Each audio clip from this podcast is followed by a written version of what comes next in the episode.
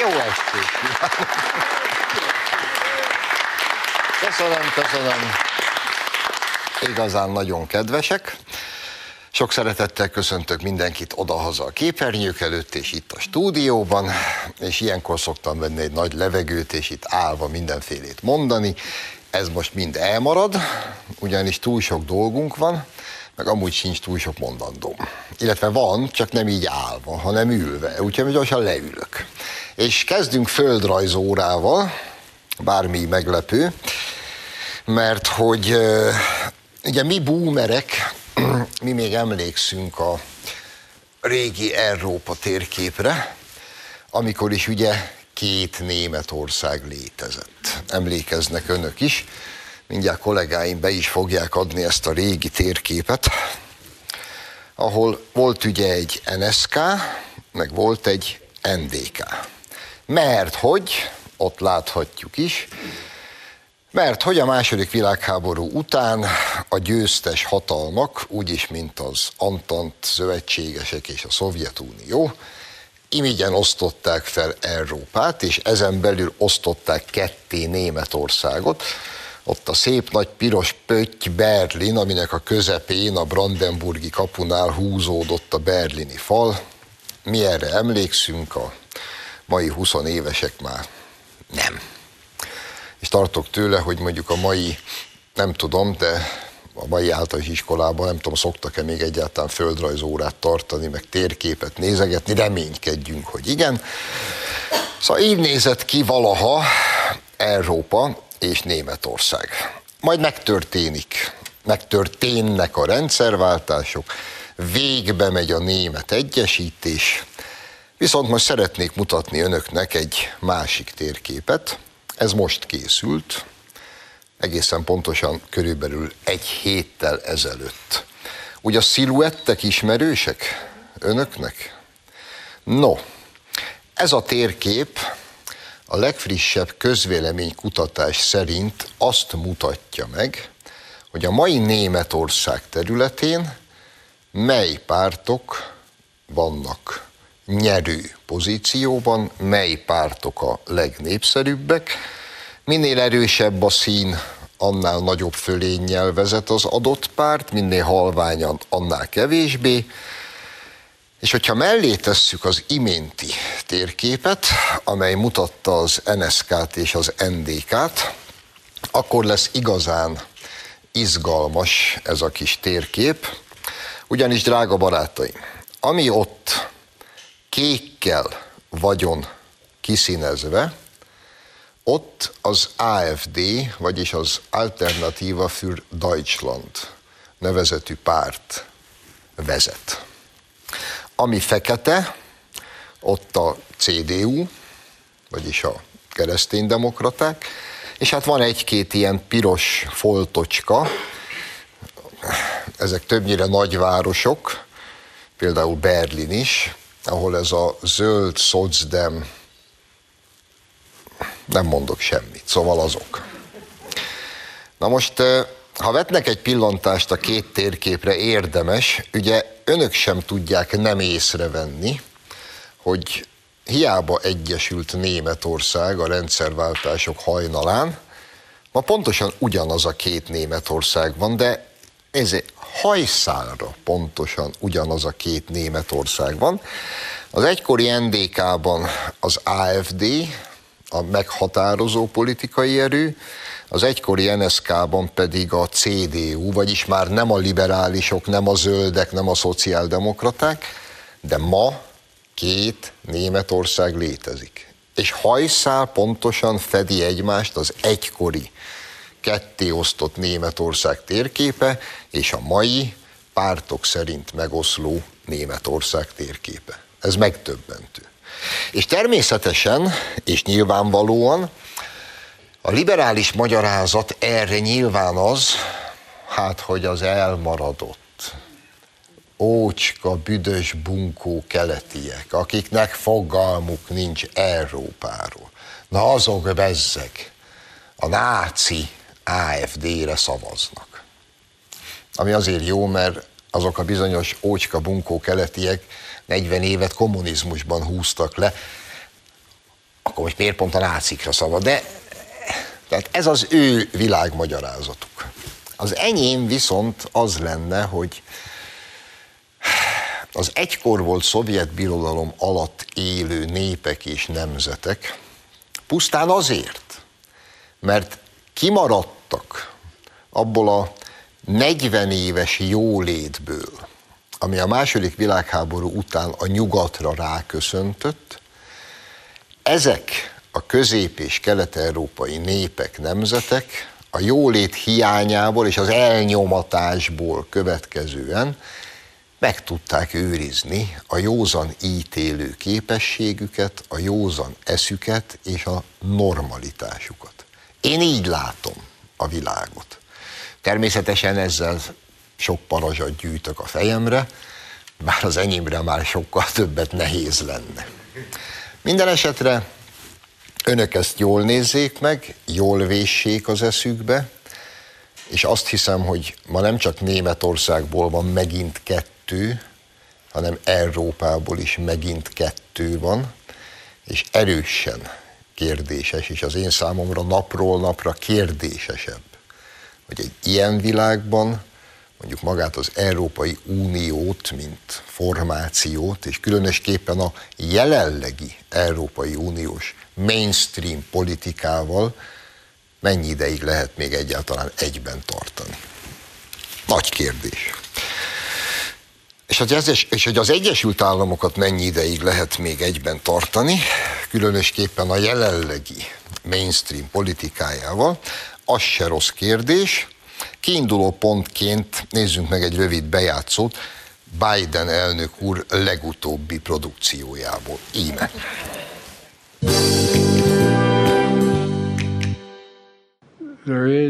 Van egy bizonyos szervezet, és nem akarok keresem a szót, egy bizonyos szervezet, volt reakció az ellenzék részéről, de... Um, Hamas.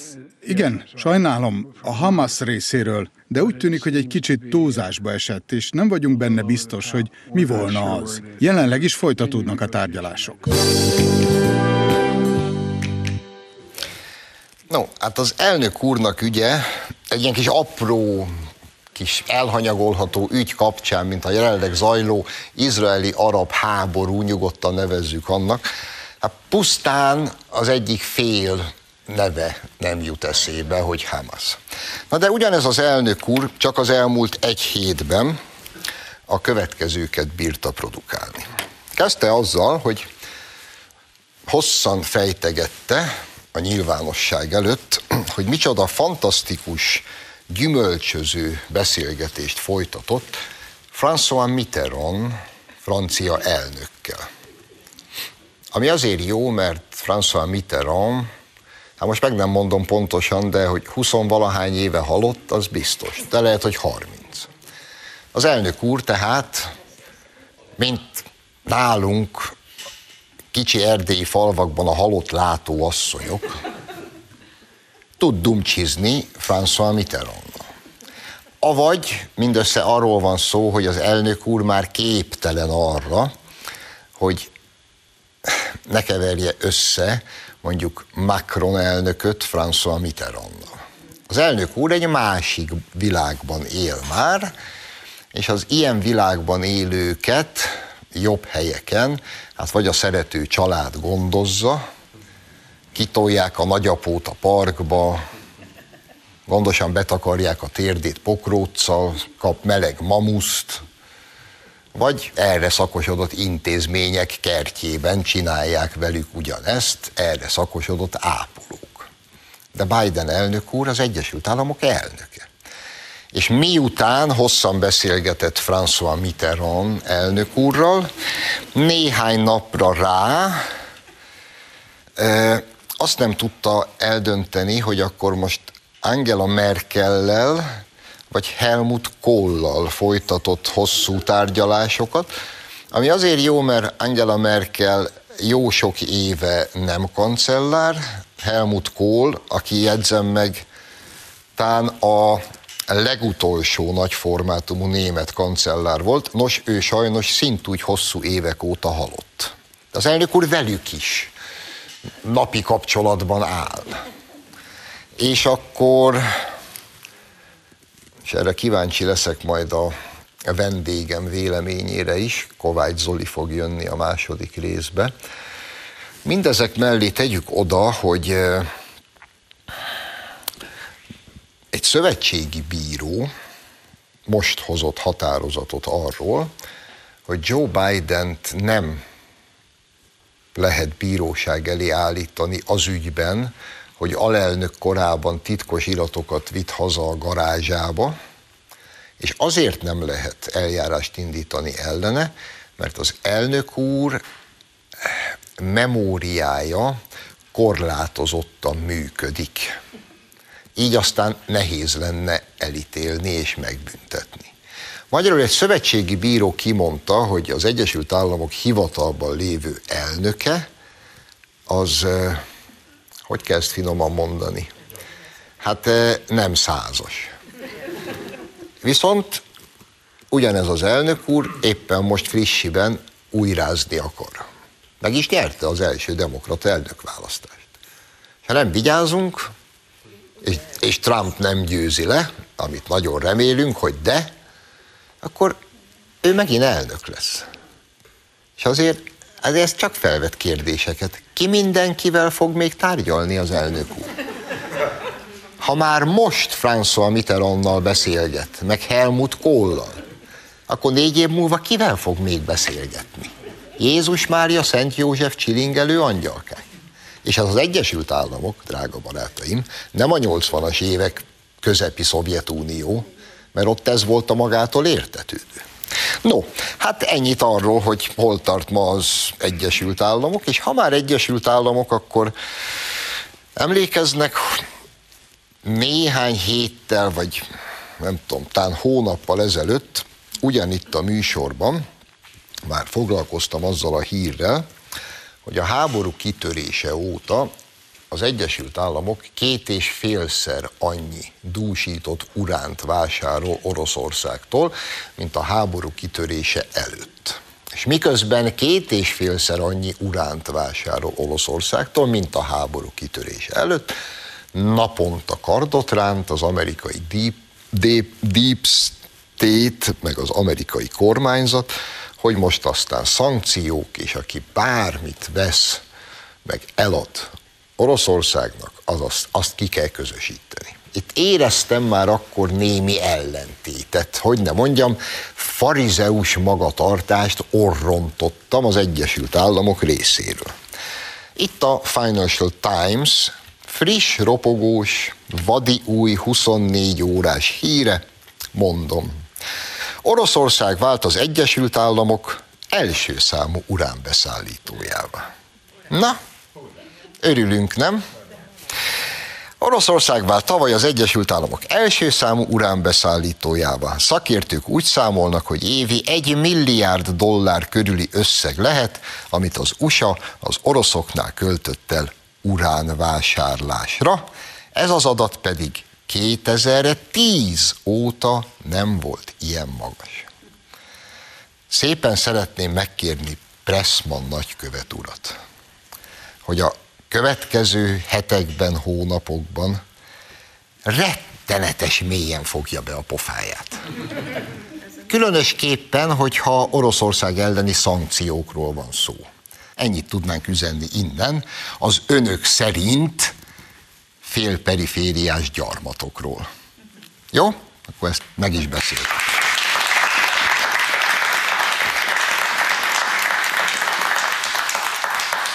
És azért ne tévedjünk, az Egyesült Államokban sem mindenki gazember.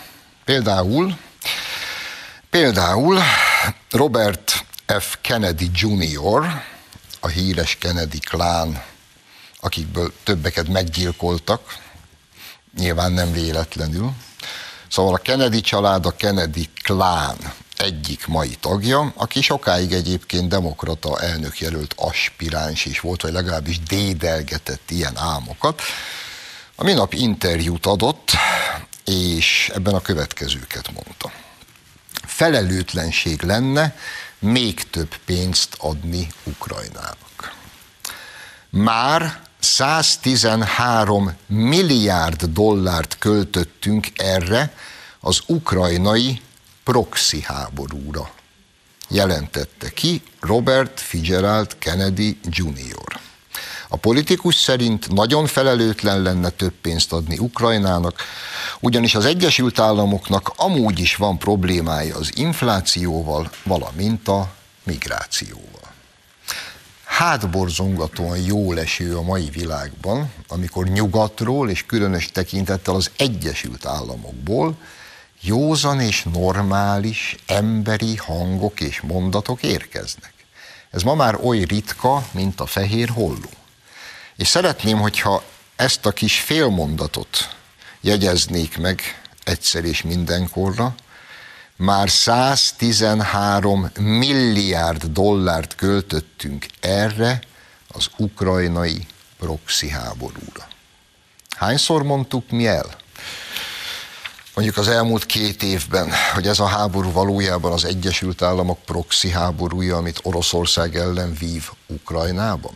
Milliószor. Mit szoktak ilyenkor mondani? Hülyék vagytok és összeesküvés elméleteket gyártotok. Csak lassan mindenki hülye, és mindenki összeesküvés elméleteket gyárt, kivéve azok, akik összeesküdnek, és egyébként gazemberek és proxy háborút vívnak Oroszország ellen, Ukrajnában, az Egyesült Államok nevében. Ezt azért nem árt megjegyezni, egyszer és mindenkorra.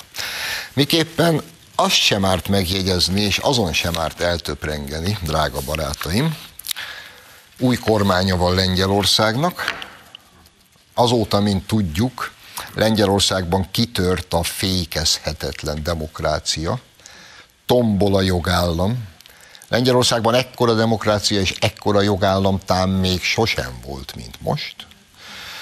Ennek számos jele van, mint tudtuk eddig is, képviselők börtönbe hurcolása, elnöki kegyelmi rendeletek semmi bevétele, majd a börtönből mégiscsak kiengedett képviselőktől, akikről kimondta a Lengyel Alkotmánybíróság, hogy nem foszthatók meg képviselői mandátumuktól őket. Nem engedik be a parlament épületébe. Elzavarják a tévé összes dolgozóját, stb. stb. De most azzal állt elő az új Tusk kormány, hogy ők a maguk részéről akkor deportálják vissza Ukrajnába a hozzájuk menekült hat köteles lengyel férfiakat. Na, most akkor ezt tessék még egy kicsit ízlelgetni. Úgy, mint is jogállamiság, demokrácia. Hat köteles férfiak elmenekülnek otthonról, mert nem óhajtanak elpusztulni keleten, egy lövészárokban. Őket egy ország befogadja, majd két év elteltével ugyanez az ország közli velük, hogy most szépen mentek vissza, kirúgtunk benneteket, ott találjátok magatokat, és egy hét múlva lesztek a fronton, és nyolc nap múlva mindannyian halottak lesztek. Na ez az új lengyel demokrácia és jogállam, hogy Donald Tusk is rohadjon meg ott, ahol van. Most tartunk, tartunk egy Tartunk egy rövid szünetet, és aztán, mint említettem, Kovács Zoltán lesz a vendégem, úgyhogy ne menjenek messzire.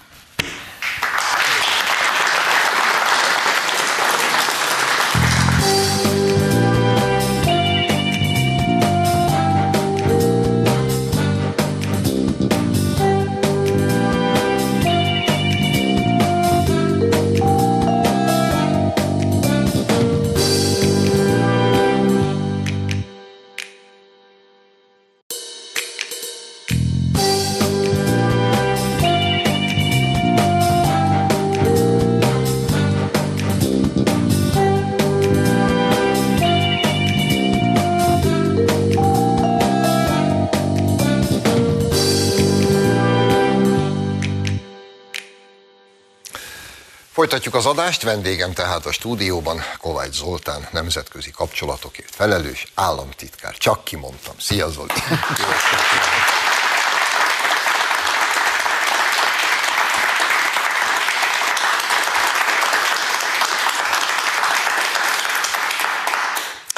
Vágjunk a közepébe. Tucker Carlson interjút készített Vladimir Putyin orosz elnökkel. Az európai reakció közölték, hogy ezek után Tucker carlson ki kell tiltani az Európai Unió területéről. Megvilágítanád nekem, mint nemzetközi kapcsolatokért felelős államtitkár, hogy egy, ez miképpen egyeztethető össze a oly sokat hangoztatott és velünk szemben mindig vádként lebegtetett sajtószabadsággal, másrészt mégis hogyan képzelné ezt el az Európai Parlament? Hogy is van az a vicc a focizó gyerekekről, az elgurult labdáról és Lenin elvtársról? Közéjük is lövethetett volna. Viccelődünk ezen, viccelődünk ezen, de egyébként az, ha lehet ilyen személyesre venni a dolgot, számomra az elmúlt 14 év tapasztalatai alapján inkább tragikus azt látni, hogy a magát mainstreamnek vagy mértékadónak tekintő nyugati média, véleményformáló, véleményalkotó politikusok mennyire rettegnek már attól, hogy valami az ő nézőpontjuktól, vagy az uralkodó narratíváló eltérő dologgal találkozhassanak az emberek. Hát mi az alapvető bajuk velünk? Ez. Mi a bajuk Takerrel? Takerrel az a bajuk, hogy nyilván nem azokat a kérdéseket tette fel, és nem azokat a válaszokat várta ezekre a kérdésekre, amit lépten nyomon hallanak egyébként a nyugat-európaiak. Lett legyen az az ukrán háború, lett legyen az Oroszország létezése, Putyin démonizálása az elmúlt években, évtizedekben most már. Az interjú jó, aki hallotta, vagy aki olvasgatja azért, az annak számára nem lehet titok, hogy van egy másik narratíva azzal szemben, amit mi hallunk. Annak a narratívának van logikája, és lehet szeretni, nem szeretni. Néhány tíz vagy száz millióan támogatják.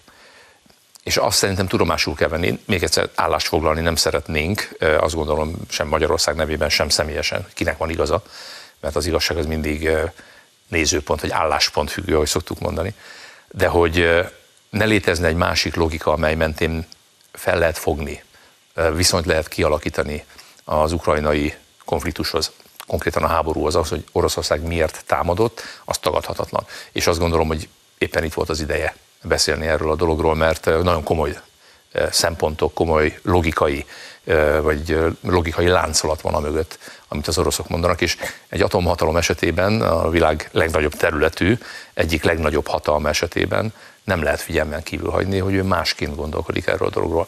Arról nem is beszélve, hogy a mi álláspontunk, a magyar álláspont, hogy legyen béke, az pedig csak úgy lehetséges, hogy a másik oldalt is meghallgatják. Igen, csak, illetve nincs csak, tehát újra kezdem. Igen.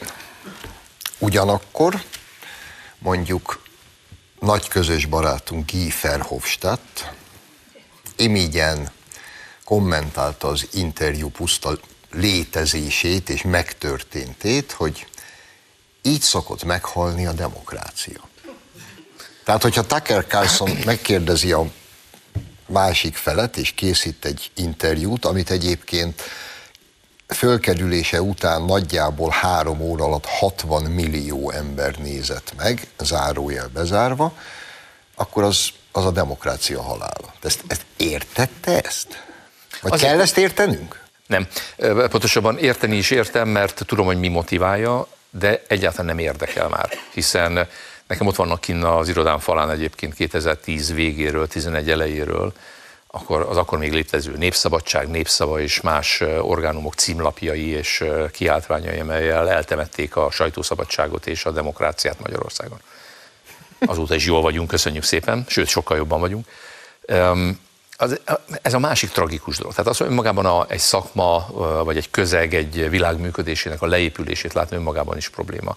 De az, hogy hogyan sajátított ki, hogyan sajátította ki a baloldal és a liberálisok a számunkra egyébként demokráciát, ha úgy teszik a nyugati típusú demokráciát kedvelő, azt felépítő emberek számára fontos fogalmak egy jelentős részét. Sajtószabadság, szólásszabadság, e, emberi jogok, e, jogállamiság, hogy, hogy ne folytassam ezt a dolgot, és hogyan vált belőle nem csak simán ostor, egy ilyen politikai ostor, vagy kilencágú korbács, mert most már lassan úgy kell rá tekinteni, hogy majdnem mindegyik ághoz rendelhető valami korábban valódi értelemmel, mértékadó értelemmel és jelentéssel bíró fogalom, illetve ahhoz kapcsolódó értékrendszer.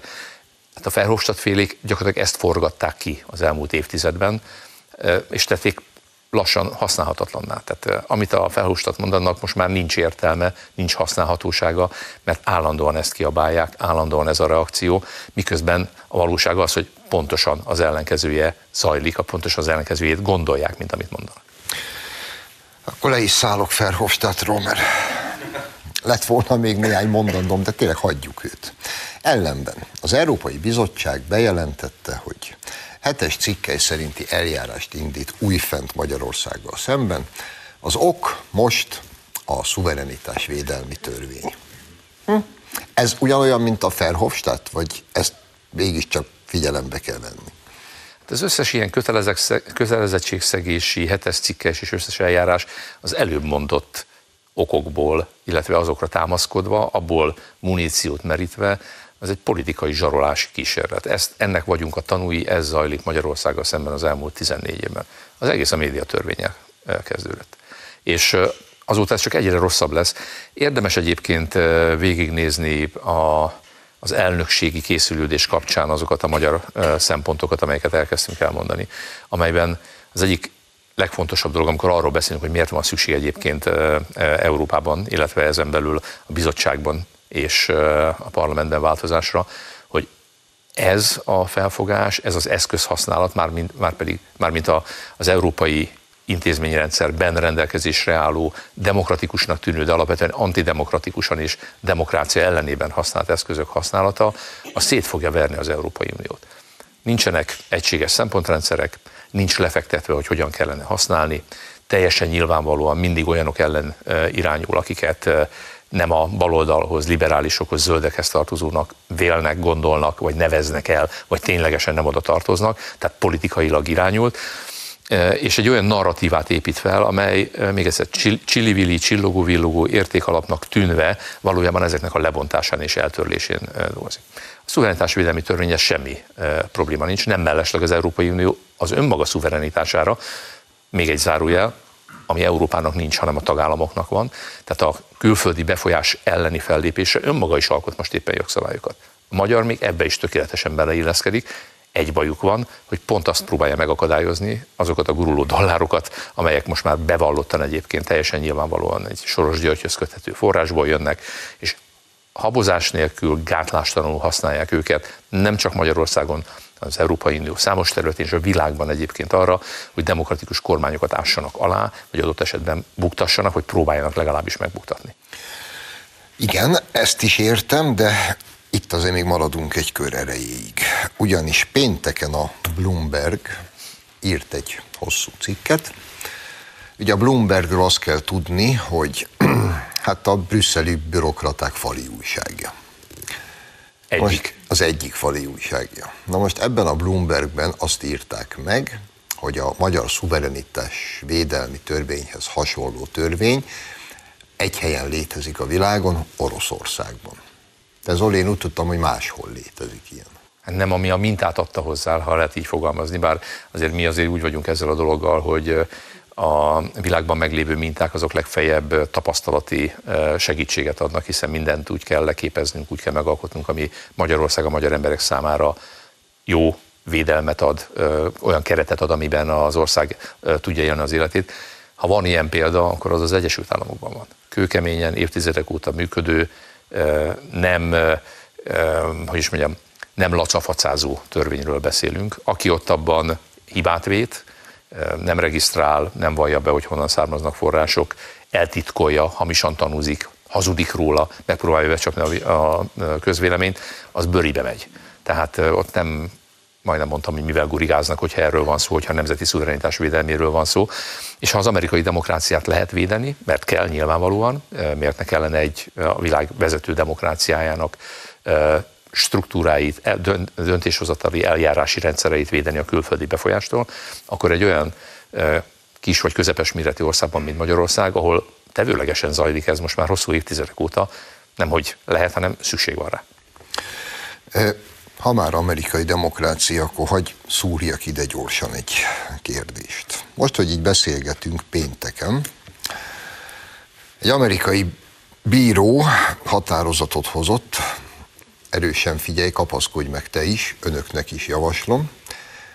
Határozatot hozott, hogy a minősített titkos iratokat alelnökként a saját garázsába hazahordó Joe Biden elnök ellen nem indítanak semmilyen eljárást, indoklás, az elnök úr memóriája erősen megkérdőjelezhető, egy idős, jó szándékú ember, akit nem lehetne elítélni. Viszont elnöknek elindul. Te. Zoli, most komolyan kezdem úgy érezni magam, itt az Egyesült Államokat nézve, mint a 80-as évek közepi Szovjetuniót, mikor az egész világ azt találgatta, hogy a pulpituson május 1-én álló Brezsnyev elvtárs, meg Csernyenko elvtárs még éle, vagy már csak egy viaszbábú van kitéve, ami hátról egy cölöppel meg van támasztva. És nem gondoltuk volna soha akkor, hogy egyszer az Egyesült Államok pont így fog kinézni. Igen, ugye az ember még kuncog is, meg, meg még nem Jó, de is volna kedve, de valójában inkább sírni volna kedve, amiket lát, és kormányzati megszólalóként azért óvatos és tisztelettudó próbálok maradni, de ez azért mindenki tudja, hogy nem oké. Tehát most tekintsünk el attól, hogy a, valóban a, az Egyesült Államok itteni nagykövete kvázi az ellenzék vezéreként működik, és mutatja az irányt, osztja az észt, vagy éppen adja a pénzt. Elsiklottunk fölötte egyébként, Nem talán két vagy három héttel ezelőtt volt meg az a döntés, szépen felsorolva, kik milyen pénzt kaptak. De most nem az a probléma, hogy független orgánumok kaptak, hanem nyíltan, nyíltan a kormány ellen úszító, adott esetben szélsőséges balos álláspontokat képviselő szervezetek finanszírozásán keresztül próbálják a demokráciát építeni. Szóval ezer és ezer kérdés vetődik fel, egy ideológiai motivált, nevezzük demokratának, bár semmi köze a demokráciához, egy demokrata politika csinálással kapcsolatban, beleértve az itteni nagykövetet, és azt, hogy odahaza egyébként milyen állapotban van maga az elnök, vagy éppen az, az amerikai demokrácia. Tehát itt milyen gyorsan telik az idő, vagy mennyire relatív az időtelése, mert ugye október 7-éhez, illetve az azutáni két hónaphoz képest már hol tartunk, zajlik ugye Izrael szomszédságában, illetve a gázai övezetben ez a háború, illetve ez a fegyveres konfliktus, de már mindenki elfeledkezett az eredetéről, meg arról, hogy ez milyen reakciókat váltott ki az Amerikai Egyesült Államokban. A legnevesebb egyetemek kampuszain tüntettek anarchista, balos diákok látszólag a palesztin ügy mellett, de közben a demokrácia és egyen belül az amerikai demokrácia alapjait megkérdőjelező formában, felfogásban, üzenetekkel, mm, nevezük nevén, nem csak hogy drasztikus eszközöket, hanem olyan erőszakot alkalmazva, amit Európában nem látunk, vagy csak ha látunk is, ugye azt mindig máshoz szokták, egy rémkorszakhoz szokták hasonlítgatni még a második világháború előtti időszakkal kapcsolatban, és ez, mint hogyha normális lenne a demokraták számára, miközben a világ legbiztonságosabb országában az ember megkérdezi egyébként mondjuk a zsíró közösségek vezetőit, pedig bomlasztani próbálják azt a rendet, ami itt biztonságérzetet, stabilitást ad az országnak és a magyar embereknek, de elképesztő dolgok zajlanak, és mindez a demokrácia nevében megy, magát vezető demokráciának nevező, azt éppen vezetők demokratáknak a nevében. Elképesztő. Igen. Esetre rögzítjük, mielőtt tovább megyünk még egyszer. Az Egyesült Államok egyik szövetségi bírója kimondta, hogy nem indítható eljárás a hivatalban lévő elnök ellen, mert a hivatalban lévő elnök beszámíthatatlan, és a hivatalban lévő elnök éppen most megpróbál újrázni az elnök választáson. Ezt azért így tegyük el a hátsó fiókba. Már szóba került itt az Action for Democracy szeretve tisztelt vezérkara, akik immáron saját arcukkal és a saját hangjukon mesélik el valakiknek, valakinek, hogy hogyan is zajlik ez az egész. Ki adja a pénzt? Soros György. Mire megy a pénz? A nekik nem tetsző kormányok ellenzékének támogatására, kormányok megbuktatására. Legyen szó Magyarországról, Brazíliáról, Lengyelországról, Szlovákiáról, Ezt mind-mind elmondják. Nem is akárkik mondják el. Na most az, hogy erről a dologról például nálunk az ellenzéki sajtóban eleddig egy mondatot nem írtak le, ezt értem. Viszont kíváncsian várom, és kíváncsi vagyok a te véleményedre, ezt ki lehet magyarázni majd? És ha igen, akkor hogy? Mikroadományok. Hm? Mikroadományok. hát mikroadomány egyébként ahhoz képest, hogy mennyi pénz mozog ebben a rendszerben. Tehát, bocsánat, itt fillérekért árulják el a hazát azoknak, azok itt a magyar, nevezük honfitársaknak őket, akiknek ez mégiscsak nem mikroadománya, valószínűleg jól megélnek belőle. Olyannyira egyébként, hogy miközben szégyentelen módon önmaguk vallják ezt a dolgot be. Én olvasom nap, mint nap, meg hétről hétre a jelentéseket, hogy Svédországban, Dániában, Franciaországban, Németországban miket mondanak fórumokon, tanácskozásokon, demokráciáért agódó NGO-k találkozóin Magyarországról egyébként szakmányban árulva el a hazájukat, és ebben szerintem kőkeménynek kell lenni. Ha meg akarjuk kérdezni, vagy meg akarják tőlünk kérdezni, hogy miért van szükség a szuverenitásvédelmi törvényre, na pontosan ezért.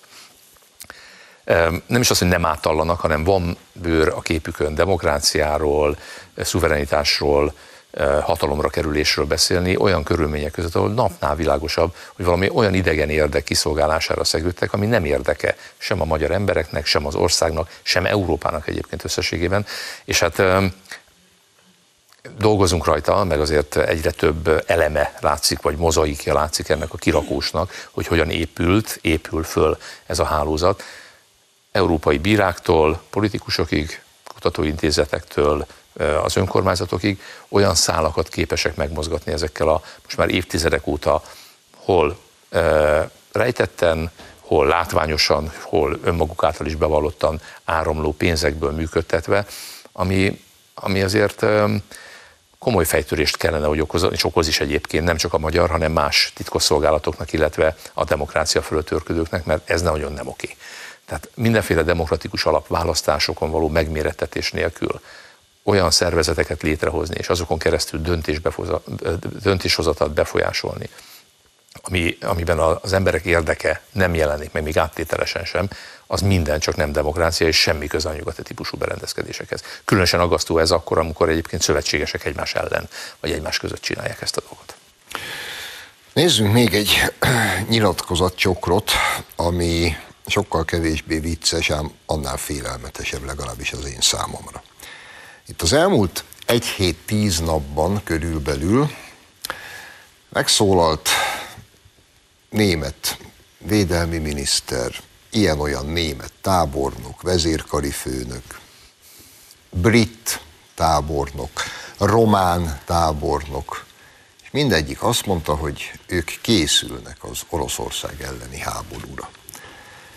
Én pedig itten ülök, és nem tud nem eszembe jutni 1914 nyara. És kicsit, kicsit vagy nagyon elkezdtem aggódni. 14. június 28-án Gavrilo Princip megöli Ferenc Ferdinándot.